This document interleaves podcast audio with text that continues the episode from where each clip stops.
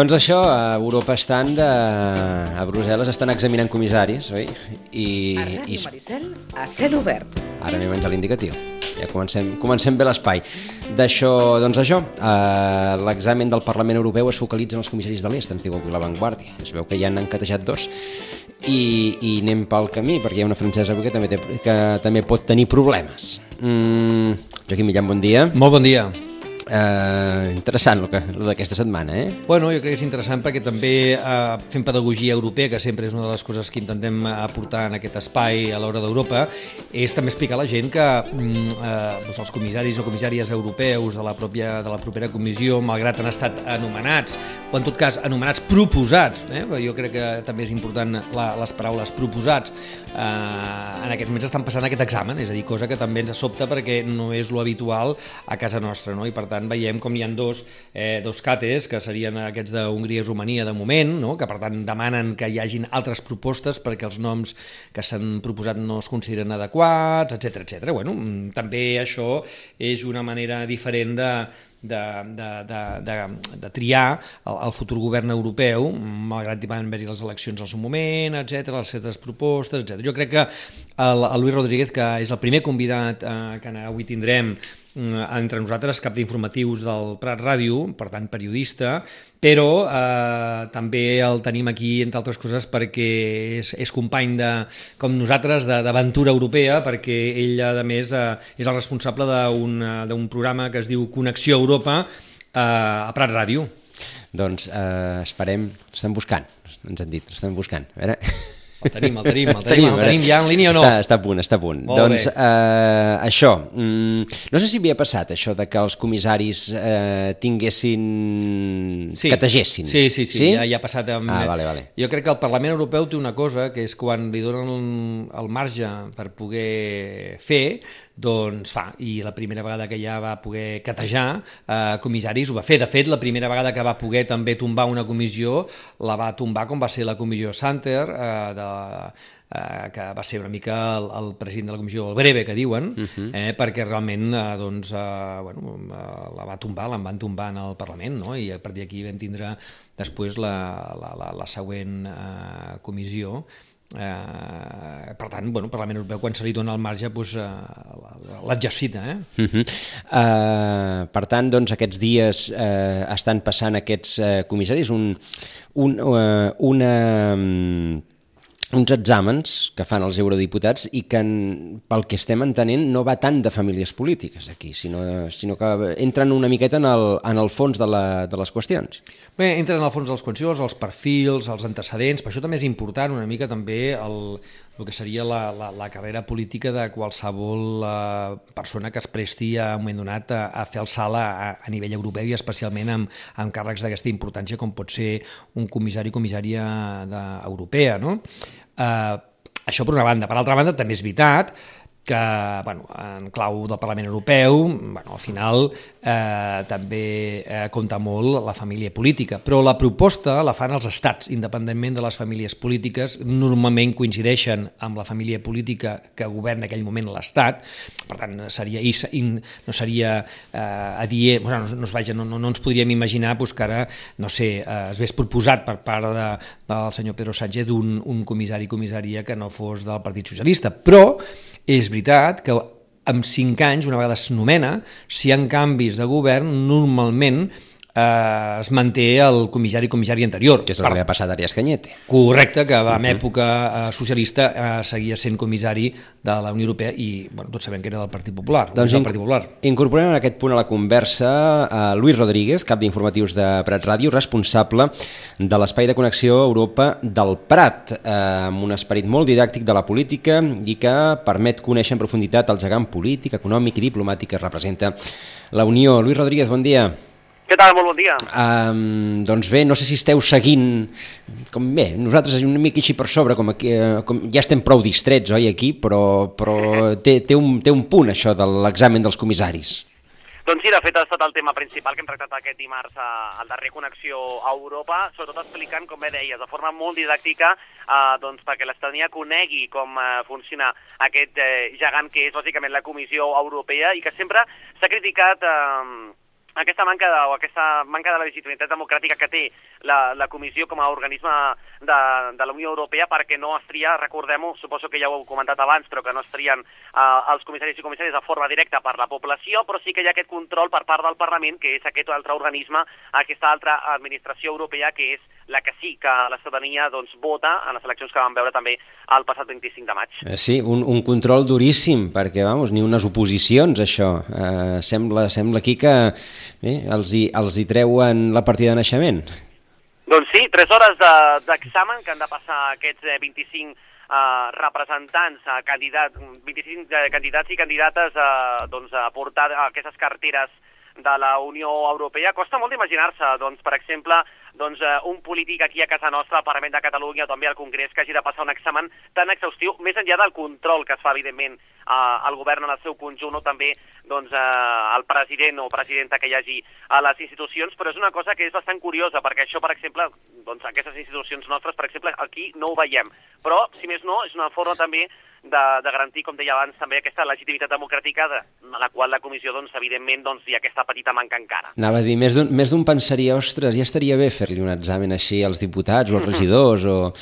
I tant, i tant. De fet, hem de tenir en compte, per exemple, doncs, el darrer examen que vam veure ahir, que era precisament del candidat de Polònia, Janus, a veure si dic bé el nom perquè costa, eh, també, eh, Botsojewski, Botsojewski, volia dir, eh, que portaria, en tot cas, la cartera eh, agrícola i en el qual vam veure també doncs, una forta oposició Sí. doncs, eh, perquè deien que no coneixia bé el tema, que, que, doncs, que estava defensant déu nhi és com presentar, jo m'imagino una mica com presentar una tesina, no?, al final d'un màster o d'un doctorat, fins i tot una tesi, amb la qual, doncs, clar, evidentment has de defensar uh, doncs, uh, aquestes polítiques que vols dur a terme i preci- precisament aquesta agrícola en la qual hem de tenir en compte que s'ha de culminar en aquesta propera legislatura també la, que és la PAC, la, la política agrària comuna, que sempre és un motiu d'enfrontament també entre els eurodiputats eh, doncs, eh, de la cambra. Uh -huh. De tota manera, també, i ho comentàvem abans de començar amb amb en Joaquim, eh, té un punt que s'estiguin examinant els eurodiputats quan les eleccions van ser el 25, de, 25 o 26 de maig, és Sí. a dir, estem parlant de, de, de, de més de, de 5 mesos vista, que, que home, que, el, que els governs municipals, que es van escollir també el, el mateix dia, ja fa, ja fa 100, 100 dies que, estan, que, que han pres tots possessió, i aquí encara estem sí. parlant eh, clar, arriba un punt que, que, home, això probablement el mastodonte aquest, igual que fa molt bé el dels exàmens, fer els exàmens està molt bé, però per altra banda, home, potser els fa un pèl tard. Clar, és un procés que és molt llarg, cal tenir en compte que si tot va bé, si tot va bé, eh, el proper 1 de novembre es constituiria aquesta nova Comissió Europea, per tant, ja fins i tot parlem de 4 mesos després de les eleccions, o 5, Mm. i clar, i, i tot això si surt bé, com deia, perquè hem de tenir en compte que amb aquest examen que estan duent a terme i amb la votació que faran, si no vaig errat, el proper 23 d'octubre, el conjunt d'aquest equip que ha, pro, que ha proposat la presidenta de la comissió, Úrsula von der Leyen, doncs pot ser que es tombi. De fet, eh, ja hi ha també doncs, eh, casos anteriors, per exemple, el 2004, quan es va tombar el ca, doncs, a l'italià Rocco Buttiglioni perquè va tenir certs comentaris eh, doncs, eh, sobre les dones, sobre el col·lectiu LGTBI que no va agradar gaire i que, per tant, doncs, va, va suposar que el rebutgés la, la, L'havia l'Eurocambra. l'havia I proposat, aleshores- l'havia pro- proposat Berlusconi, o sigui que ja, Exacte. venia ben ensenyat Sí, aquest no senyor. sorprèn, no sorprèn, evidentment. I de fet, aprofitant aquesta, doncs, aquesta qüestió, de, ja que parlem de feminisme i de col·lectiu LGBTI i tot això,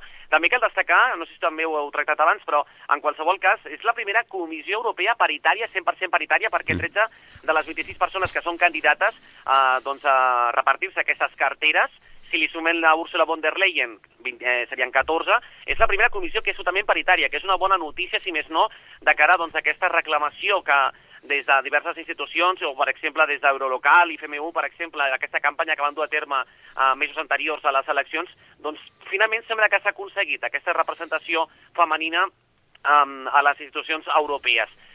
Sí que he de dir també que no estic gaire d'acord en com s'ha fet eh, respecte a la presidència de- d'Úrsula von der Leyen, perquè recordem que doncs, a les eleccions anteriors, les del 2015, es va començar a aplicar aquest sistema que es coneixia com l'Spitzenkandidat, és a dir, Correcte. que les eleccions eh, doncs, al Parlament, les eleccions europees del 2015, influïssin el resultat en qui hauria de presidir la comissió, i per això va sortir Juncker, que es va repartir el pastís, per dir d'alguna forma, eh, i va portar la comissió, mentre que després els socialistes, els socialdemòcrates, en realitat ens van quedar amb, uh, amb el Parlament. El Martin ara, Schulz, correcte. a- Aquest, eh, exacte. Ara mateix, doncs, en aquestes darreres eleccions hem vist com hi havia eh, doncs 5, 6 eh, representants o 6 cares visibles, si més no, a liderar aquesta comissió europea, però finalment doncs, no ha estat així i, de fet, eh, entre els tres, dels tres vicepresidents executius que trobem en aquesta nova comissió, que també hauran de passar l'examen, doncs trobem el Franz Timmermans, Timmermans eh, de, dels Països Baixos i que també doncs, va ser doncs, una cara molt visible també a la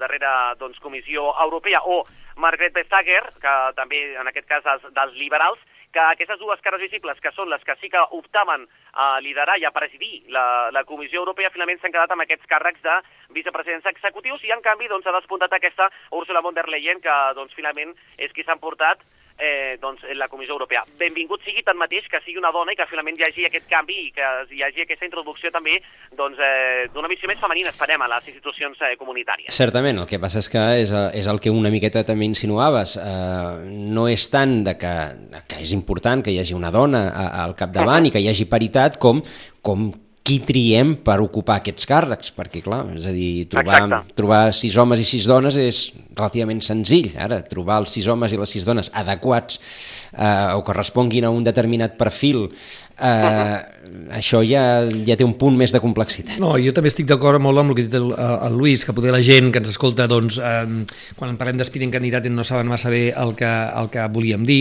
és que eh, a l'anterior legislatura europea els Aspirant Candidat era un sistema pel qual eh, abans d'anar a les eleccions, a les grans famílies europees anomenaven una, una, una persona, eh, home-dona, de dir, si nosaltres guanyem, tenim la majoria i aquesta majoria ens dona la possibilitat de, de presidir la Comissió Europea, doncs aquest serà el candidat. Per tant, la gent quan anava a les eleccions veia aquestes 5-6 fotitos d'aquestes 5-6 persones dient, bueno, si al final els, els que jo aniré a votar pues, tenen la majoria suficient, el poder suficient com per optar a la presidència de la Comissió Europea, serà aquesta persona, no?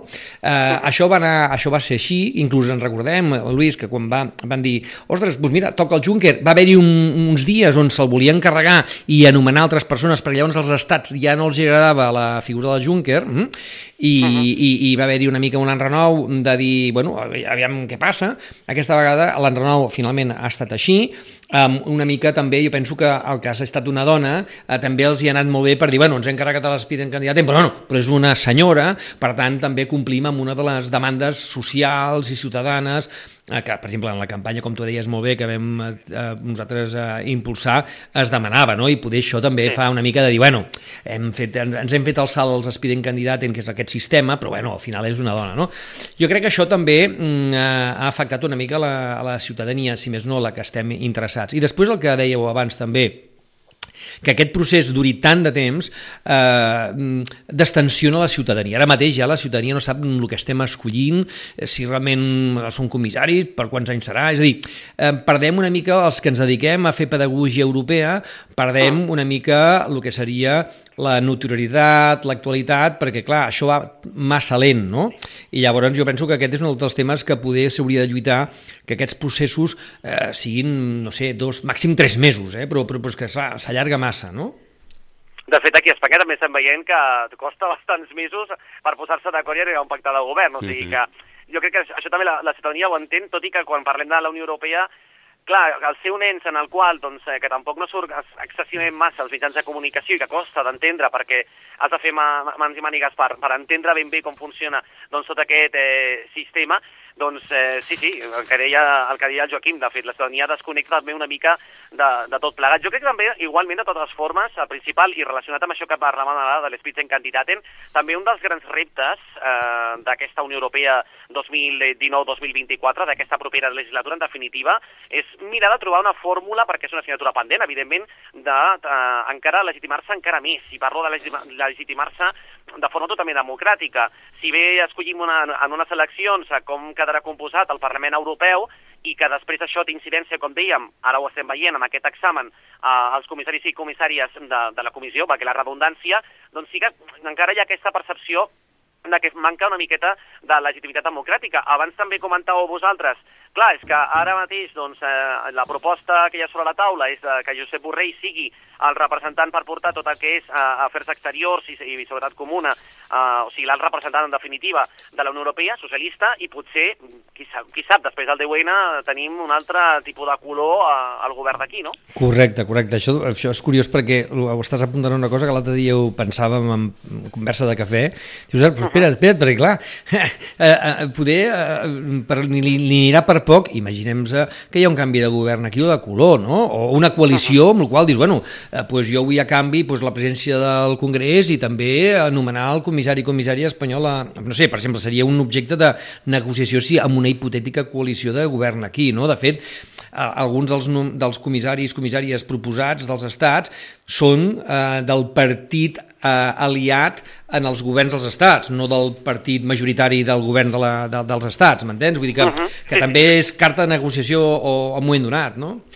Sí, però per, per això fan tard, ara mateix, perquè, clar, evidentment, les, eh, el 10N serà quan sigui i abans s'haurà d'haver triat, a no ser que el Parlament tombés aquesta comissió i aleshores s'haguessin de proposar cares o noms nous. Dilluns té l'examen Borrell. Correcte, dilluns vinent, eh, dilluns per la tarda. Uh -huh. Per cert, una, una, una qüestió, més que res perquè, perquè quedi clara, eh, els poden tombar d'un a un o, o va tot en bloc, això? Jo crec que no, en aquests moments com a col·legi de comissaris ah. va un a un, eh? Uh mhm. -huh. no el poden tombar-los tots. Home, seria, imaginem que comencen a tombar, a tombar, a tombar, potser llavors li demanen a la, a la Úrsula, a la, a la presidenta de la Comissió Europea de moment, sí. que, que, bueno, que demani als estats eh, que en tornin a anomenar... Clar, és que podria passar, eh? Imaginem que... Ja. Eh? I Sí, sí, de fet abans hem de tenir en compte que abans d'aquest examen previ que, doncs, que estem vivint aquests dies, aquest mateix eh, dilluns, doncs també ja s'han tombat de forma individual, eh, tal com deia el Joaquim, eh, dos eh, representants, que són els de Romania i els d'Hongria, per conflicte d'interessos, és a dir, hi ha un control per ell també i que es poden tombar les persones o les, les candidatures d'una a una, si bé hem de tenir en compte que després la votació final que es farà per part del Parlament serà a tot l'equip i, per tant, uh -huh. eh, amb aquests dos casos que s'han tombat, eh, doncs, eh, d'Hongria i de Romania, eh, tot sembla indicar que doncs, hauran de proposar una alternativa als estats eh, membres. Tot i que els i... estats hi han dit que no volen, no volen canviar, i aquí ja tenim el primer conflicte. Aquí tenim el primer xoc institucional i que, per tant, veurem què és el que passa. Sí, sí. Doncs eh, està la cosa divertida, està, és el que dèiem sí, abans, o sigui, allò, són com unes oposicions però en divertit, en públic. Uh, Luis Rodríguez, uh, cap d'informatius del Prat Ràdio i company en aquest sentit en la eh, en intentar doncs, fer una miqueta més didàctica aquest, aquest elefant monstruós que tenim a Brussel·les eh, que amb el teu espai Connexió Europa, moltíssimes gràcies per aquesta estoneta. Gràcies a vosaltres, fins la propera. Mol Moltes gràcies Lluís, fins la propera. Seguim parlant. Gràcies. I tant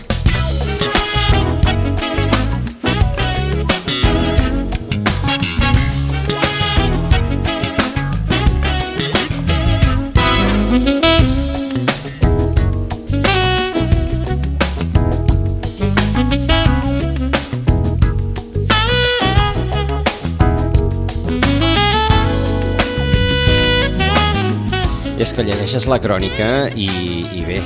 Ahir va punxar la seva audiència el polonès Janusz Wojciechowski, eh, suposat expert, diu la crònica d'en Jaume Basdeu des de Brussel·les, suposat expert en agricultura, però que va decebre per les seves vagues respostes. Haurà de passar una segona prova en forma de qüestionari per escrit sense descartar que si les respostes no són satisfactòries se'l convoqui a una segona audiència. Els socialistes es van mostrar decebuts per una feble actuació del candidat i van requerir més informació per considerar aprovar-lo. Tampoc la comissària sueca, Ilva Johansson, candidata a fer-se el càrrec d'interior, no va convèncer gaire i estava en discussió si hauria de respondre també a preguntes addicionals. Són els primers resultats de les audiències de 3 hores eh, a què els parlamentaris sotmeten els candidats, però en algun cas no arriben ni a aquest pas, i a que aquesta setmana els comissaris, com dèiem, d'Hongria i de Romania van caure per conflicte d'interessos sense ni tan sols accedir a les audiències. Borrell ha passat eh, aquest, aquest sedàs, tot i que li han dit que potser s'hauria de pensar vendre's les accions, unes accions que tenies veu d'alguna companyia energètica espanyola i que ell deia, home, no, no, pensava que no.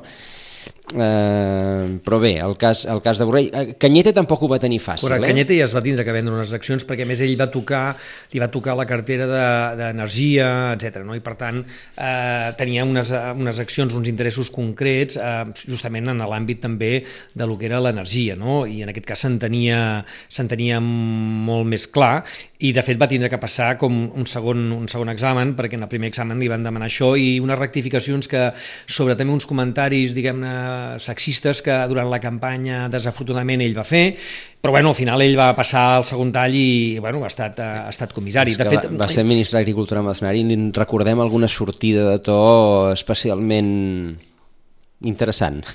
De fet, jo, jo volia destacar una cosa, i és que malgrat sembla que aquest tema no interessa massa a la ciutadania en aquests moments, tenim una, ara mateix aquesta crònica que estàvem llegint eh, i que mm, veiem en altres mitjans de comunicació que es destaca, i després també mm, dir que bueno, la gent té l'accés a aquests exàmens en directe per satèl·lit, és a dir, en moment donat tu pots veure just in time, en el mateix moment que s'estan produint, tu pots connectar i veure en el teu iPad o en el teu ordenador què està passant en aquells moments en el Parlament Europeu en aquestes eh, audiències. Per tant, vol dir que es pot seguir perfectament. Eh? Imaginem-se que això passés, no sé, eh, al proper govern, imaginem-se que fos una altra vegada del senyor Sánchez, fer una proposta ara, de ministres ara i poguéssim una... veure exactament qui ha proposat ara i que passessin l'examen. Una pregunta no? capciosa. Tu t'ho mires, Joaquim?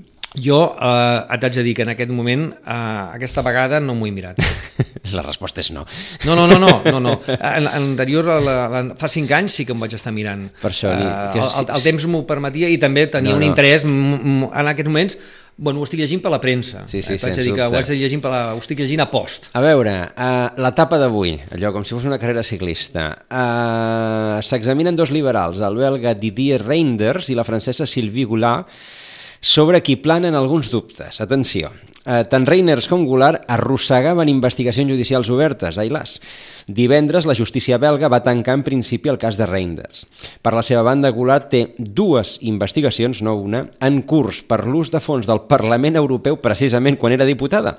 Una al seu país i l'altra a l'Oficina Europea de Lluita contra el Frau, cosa que li deixa un flanc obert per als atacs. Tot sigui dit, eh, Goulart és protegida d'Emmanuel Macron i, a veure qui li diu que no, ara l'únic gran garant que li queda ara mateix a la, a la Unió Europea. Uh, però bé, com a mínim la cosa està...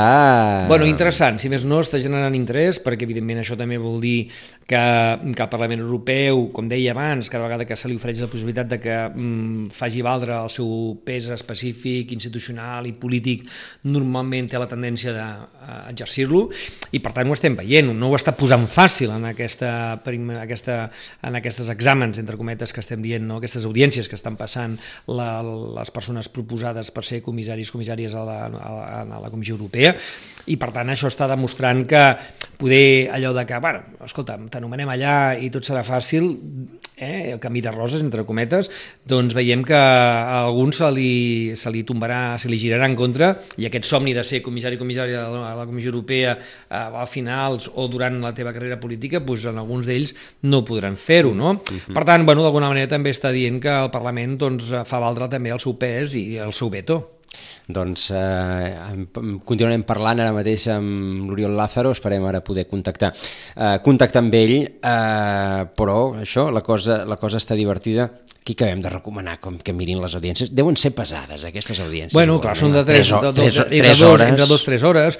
A més a més, evidentment, doncs, eh, amb, amb, no, estan, no, estan, eh, no són en castellà, per tant, vol dir eh, majoritàriament anglès, a vegades amb l'idioma del, del, de, del la, diguéssim, del, de la llengua materna o la llengua del comissari comissària que es presenta, del país o de l'Estat, per tant són, són farragoses, a vegades pre, pre, pregunten coses tècniques, no? per exemple, clar, quan eh, parlàvem del tema d'agricultura doncs se li estava parlant de temes molt tècnics, no? sobre el que és la política agrària comú, sobre tot el que són els programes, el tema del pressupostari, mm, les estratègies, l'Europa del Nord, del Sud, etc. En fi, eh, i clar, evidentment, doncs, eh, si tu no estàs massa versat amb aquest tema, per exemple, en aquest cas de l'agricultura, pues, bueno, estàs 5 minuts i al cap de 10 minuts dius, escolta, tu, és que no, no m'entero massa de què m'estan preguntant. Però sí que és interessant perquè d'entrada estan donant l'opció a que tothom, els experts en agricultura o els que no, com a mínim, puguin connectar i saber en aquell moment quin examen o què se li està preguntant en el futur comissari. Doncs incorporem aquest punt a la conversa a Oriol Lázaro, que també ha estat eh, doncs, en diverses ocasions tertulià d'aquest programa i és l'actual secretari general del Consell Català del, del Moviment Europeu. Senyor Lázaro, bon dia. Bon dia. Uh, ara aquí parlàvem amb en Joaquim Millan. Estem, estem parlant del, del tema dels, de, de l'examen als, als comissaris europeus. Uh, que, que ho esteu seguint? Sí, home, i tant. No, no, anava a dir en directe. Eh, allò us, us... Ah, en directe, amb el streaming. Mira, ara mateix, ara mateix no puc. Eh, estava devalat amb altres coses i, uh -huh. i, també estava esperant poder parlar amb vosaltres. Però doncs... ho seguim tant com podem. No, no, doncs eh, a, a partir d'aquí, eh, ho, hem, ho hem comentat també amb, amb l'anterior intervinent, eh, la cosa està, està més divertida que mai, no? Sí, sí, perquè, bueno, eh, és el de sempre, aquí hi ha uns equilibris entre famílies polítiques i aquest cop ha entrat en joc una tercera família, que és les liberals. I, a més a més, eh, entre ja, ja l'equilibri entre les dos grans mm, no és tan fàcil com abans. O sigui que sí, està molt divertit, de veritat. Uh, uh, de fet, ja abans d'arribar a l'examen ja n'han tombat a dos. Uh, uh -huh. Avui la francesa es veu que s'ho tinta. Ahir el polonès tampoc va tenir gaires, uh, gaires expectatives i, i, i s'estan pensant de fer-li repetir l'examen a veure si el pot aprovar. Uh, uh -huh. I el dilluns nosaltres aquí també sucarem pa amb el cas de Borrell. O sigui que... que... Sí. Estem distrets i tant. Uh, de fet, mai havia passat que en la criba prèvia, que és la que es veuen si hi ha incompatibilitats o no, uh, que hi haguessin dos uh, uh -huh. candidats. Això no havia passat mai fins ara. A la prèvia no, Segurament... a la post sí, no? Mana'm? A la prèvia no, però a la post sí, quan hi han passat el a la primer... Exacte. Sí, a la prèvia exacte. No. Després, després, en el que són els, els hearings, els exàmens, sí. Però que prèviament ja saltin incompatibilitats que no havia passat mai. De la, de la romanesa mm, s'entén que es veu que hi havia un crèdit que la vinculava, de li va ser com molt dubtós, però clar, al caure una d'una família política van fer, sembla que mm, van fer saltar a l'hongarès, eh, que ja s'estava volent carallar, però l'Orban en seguida va presentar un altre candidat, per, uh -huh. per evitar polèmiques, no? Uh -huh. Vull dir que sí, estem molt distrets i, i ja veurem amb en Borrell. Què passa que, com que per l'altra banda els socialistes volen presentar un comissari austríac que ja seria el tercer mandat que es presenta, eh, doncs, bueno, els altres, eh, per l'altra banda, perdó, el comissari Hostia, que és del, del PP, i els, els socialistes volen passar el borrell, doncs, per eh, fer un equilibri... Bueno, sembla que s'està negociant, perquè al final eh, sí que el, els diputats acaben votant si, si, si veuen o no competent a aquella persona que es presenta per comissari. Però també els diputats mm, formen part d'una família política que els recomana o els demana que votin en un sentit. Doncs ara... que el vot és lliure, eh? Ara anava a dir, Oriol, ara, ara, ara us, us faré la, la pregunta ingènua. Uh, mm. L'examen serveix per alguna cosa o al final tot, tot és un pacte precuinat i, i bé, i si, si va malament, doncs bueno, farem, li fem repetir l'examen però després l'acabarem aprovant? Bueno, mira, l'examen serveix perquè aquest precuinat que pot ser que existeixi no sigui uh, adulterat. Uh mhm. Per dir-ho d'alguna manera, eh, per fer aquest símil. Uh, què vull dir? Què vull dir? Sí que hi ha uns pactes de, de dir, tu, escolta'm, jo vull portar aquesta persona com a comissari, uh, si tu me la votes jo et votaré l'altra, tal. Però, i més uh, fent els hearings amb, amb, amb streaming, o sigui que tothom pot anar-ho seguint, uh mhm. -huh. no pots presentar un incompetent. No pots presentar un tio que sigui un zero a l'esquerra en aquell tema, perquè no, no... quedarien tots massa retratats, seria massa, massa flagrant. D'acord. I això jo crec que és, és bo. És bo, perquè, en el fons, tant de bo féssim això amb els ministres del nostre estat. Sí, és que, és que abans ho dèiem, i, sí. i amb, amb els diputats, i amb els regidors dels ajuntaments, oi? Clar, clar.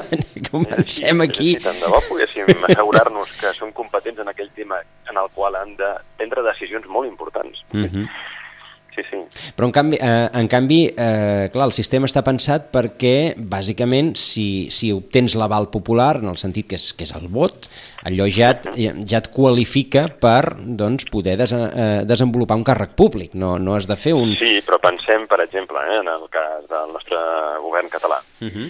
qui sí passa una votació en el Parlament és el president però a partir d'aquí ell nomena i designa qui el creu convenient i el seu equip. Uh -huh. Lliurement i sense cap tipus de revisió ni de supervisió, res. Val? El president sí, però la resta no.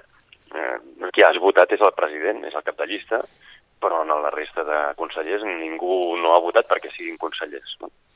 Sí, el, el que, clar, eh, no sé si seria, si seria fins i tot plantejable de dir no, no, perquè de fet diria que en cap país del món passa, és a dir, un cop tries el cap de, el cap de govern, el primer ministre, aquest tria el seu equip. Eh, no, no, després, doncs, aquest, aquest equip o algun membre d'aquest equip pot ser eh, fins i tot eh, votat en contra particularment per alguna qüestió, pot ser reprovat per, pels Parlament, però, però, però no, es, no es planteja que, que es pugui bloquejar l'accés d'aquesta persona de la confiança del primer ministre a la, a la responsabilitat. No, no, més el reprovament sempre es basen en alguna acció uh -huh. amb la qual l'oposició doncs, troba que és incompetent o flagrant o que no estan d'acord. Uh -huh. Ha de ser alguna cosa molt greu perquè una reprovació tiri endavant.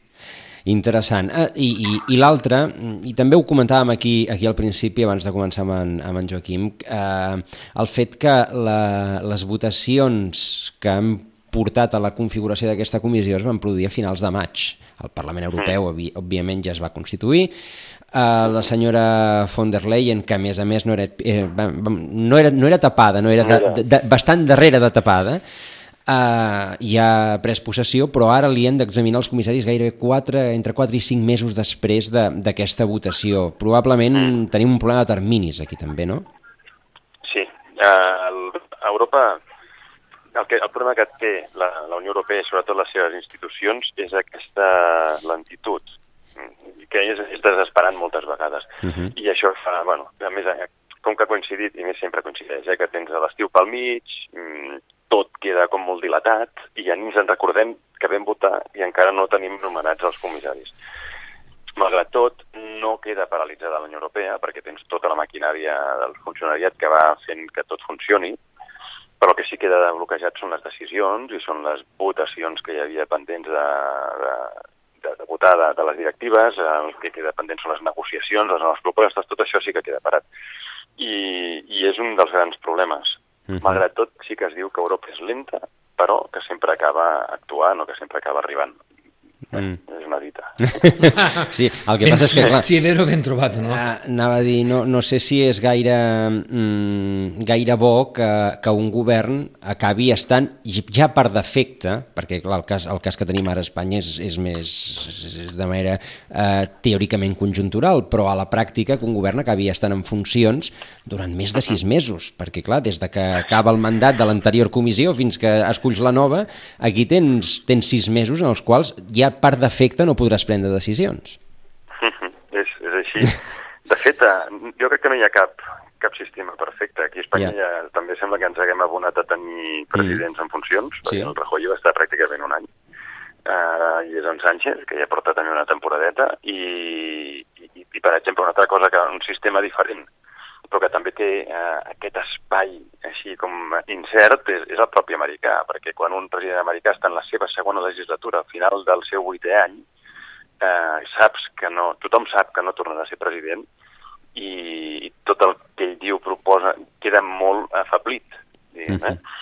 Per tant, tots els sistemes tenen algun punt feble uh mhm. -huh. i, aquest, i aquest europeu té aquest que jo crec que amb una mica de voluntat es podria millorar. Uh mhm. -huh. millorar però mm, de moment està establert així, està muntat d'aquesta manera i per millorar-ho s'hauria d'obrir el meló del, dels tractats i, això sempre és perillós. Sí, i, i, massa gent per posar d'acord, que és eh, sí. que, que eh, la virtut en aquest cas també també passa a ser el vici.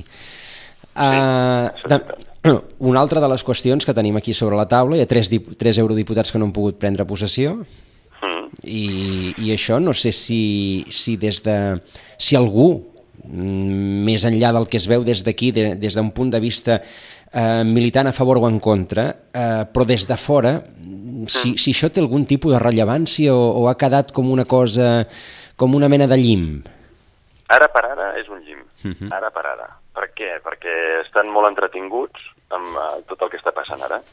Aquest comissari o l'altre, perquè més depenent del comissari que entrin o entrin, després formaran els seus propis equips i d'aquí penjaran totes les decisions. Per tant, Ara, eh, les institucions europees estan mm, això, molt entretingudes amb tota l'atenció posada en, en aquest procés. Ara, el que sí és cert que el fet que hi hagi tres cadires buides està alterant les majories. I això és una cosa que jo mm, crec que hem d'anar repetint i recordant des d'aquí a allà. O sigui, per què? Perquè ells no voldran recordar-ho. Mm. -hmm. Són, és un tema que fa nosa. Però, escolta, una alteració de, de majories no és qualsevol cosa, perquè hi ha votacions que passen pels pèls.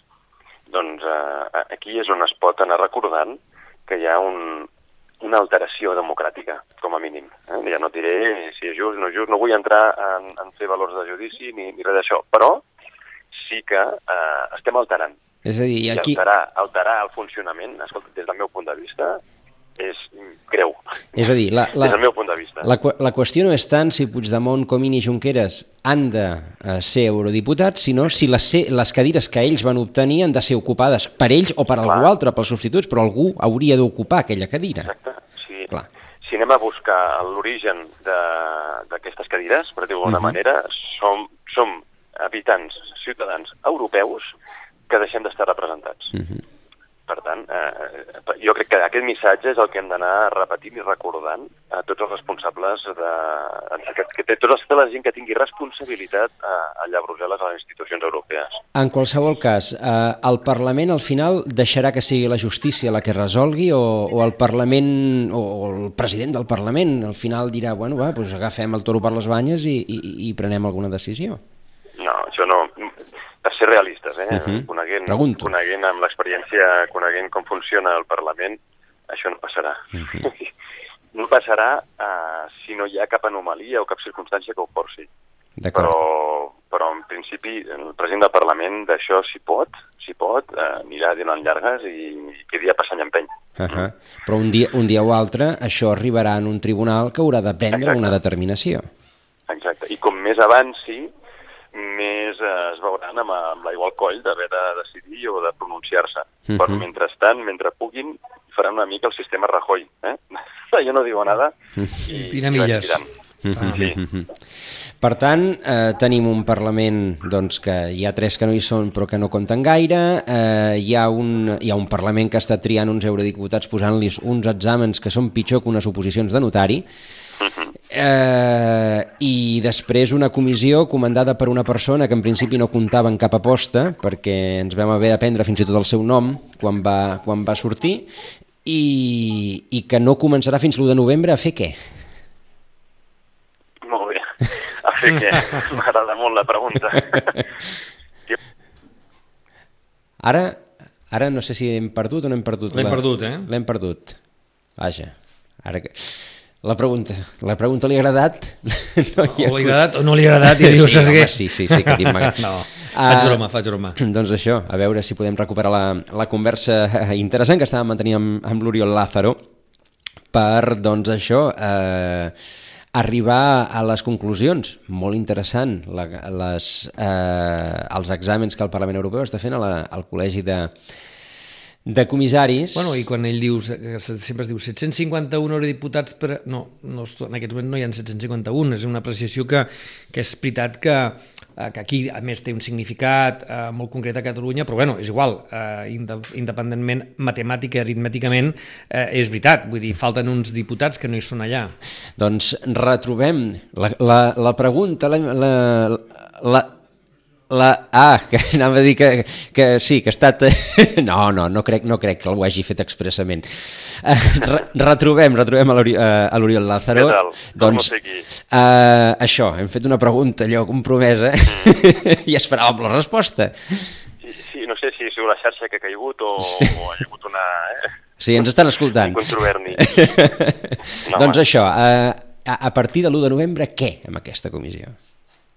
A partir de novembre tenim una quantitat de coses al damunt de la taula eh, a nivell europeu que fa fredat i que s'han d'afrontar amb valentia. Ara, hi haurà prou valentia i fins i tot prou generositat per part no tan sols de la comissió, sinó dels que realment condicionen tot el funcionament europeu, que són els presidents de cada estat.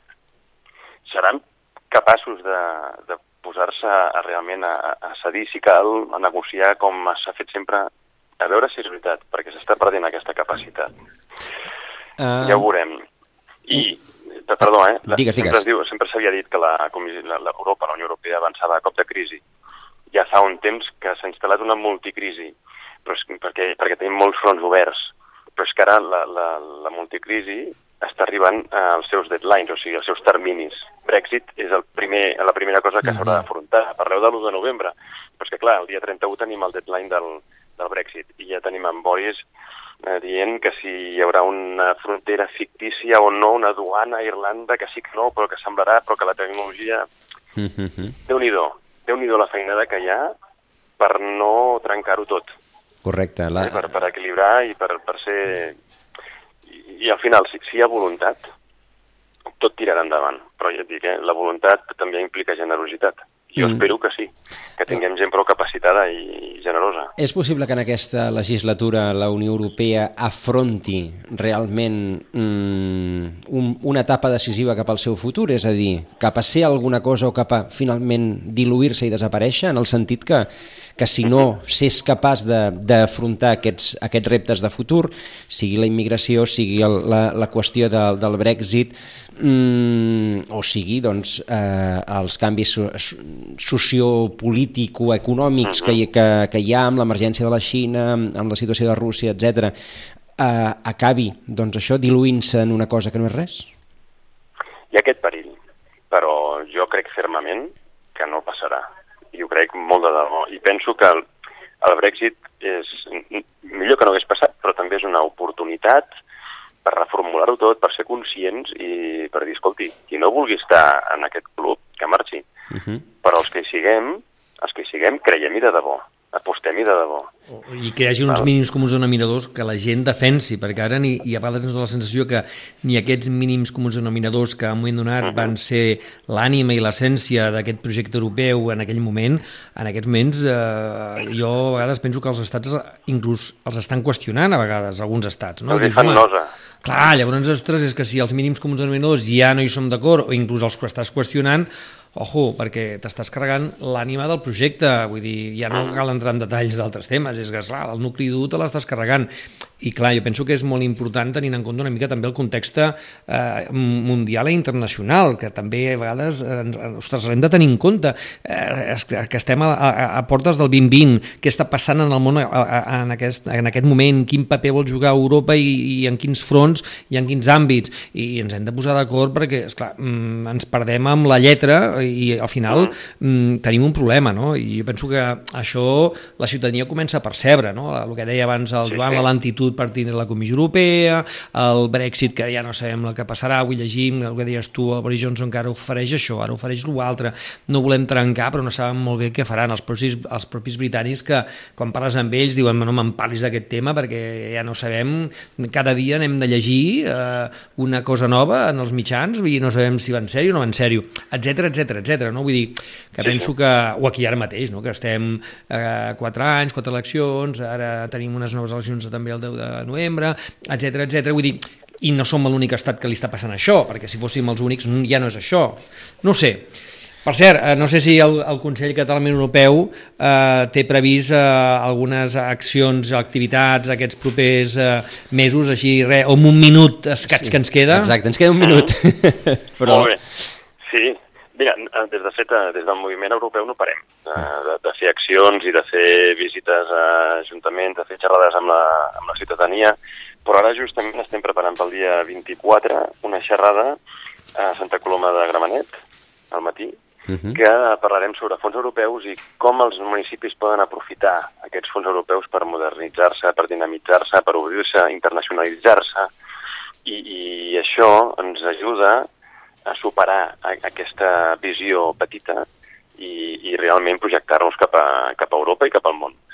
Per tant, és una jornada, jo crec, important, molt interessant, i ja més, anant més enllà, en, hi ha una altra que estem preparant eh, molt vinculada amb el tema dels objectius de desenvolupament sostenible, i els municipis, com adequar-se en aquesta sostenibilitat, quines accions es poden fer, com fer-ho. Uh mhm. -huh. Veurem algun model d'èxit eh, dels dos casos i, i veurem també explicacions d'experts. Doncs, són molt interessants. Qüestions pràctiques eh? perquè aquí hem parlat molta de teòrica política, però qüestions pràctiques al voltant de la, de la Unió. Oriol Lázaro, moltíssimes gràcies. De res, a vosaltres. Ens bon veiem dia. aviat, Oriol, gràcies per estar avui aquí entre nosaltres. Gràcies, Joaquim. Adéu. I a, ti, i a tu, Joaquim, també, el mateix, d'aquí un Fins mes. la propera i, mes, i, ja, ja sabrem més coses. I eh? se'n genera molta feina. I ja. tant, i tant, i tant. Fins ara, que, que passeu doncs, notícies i fins ara.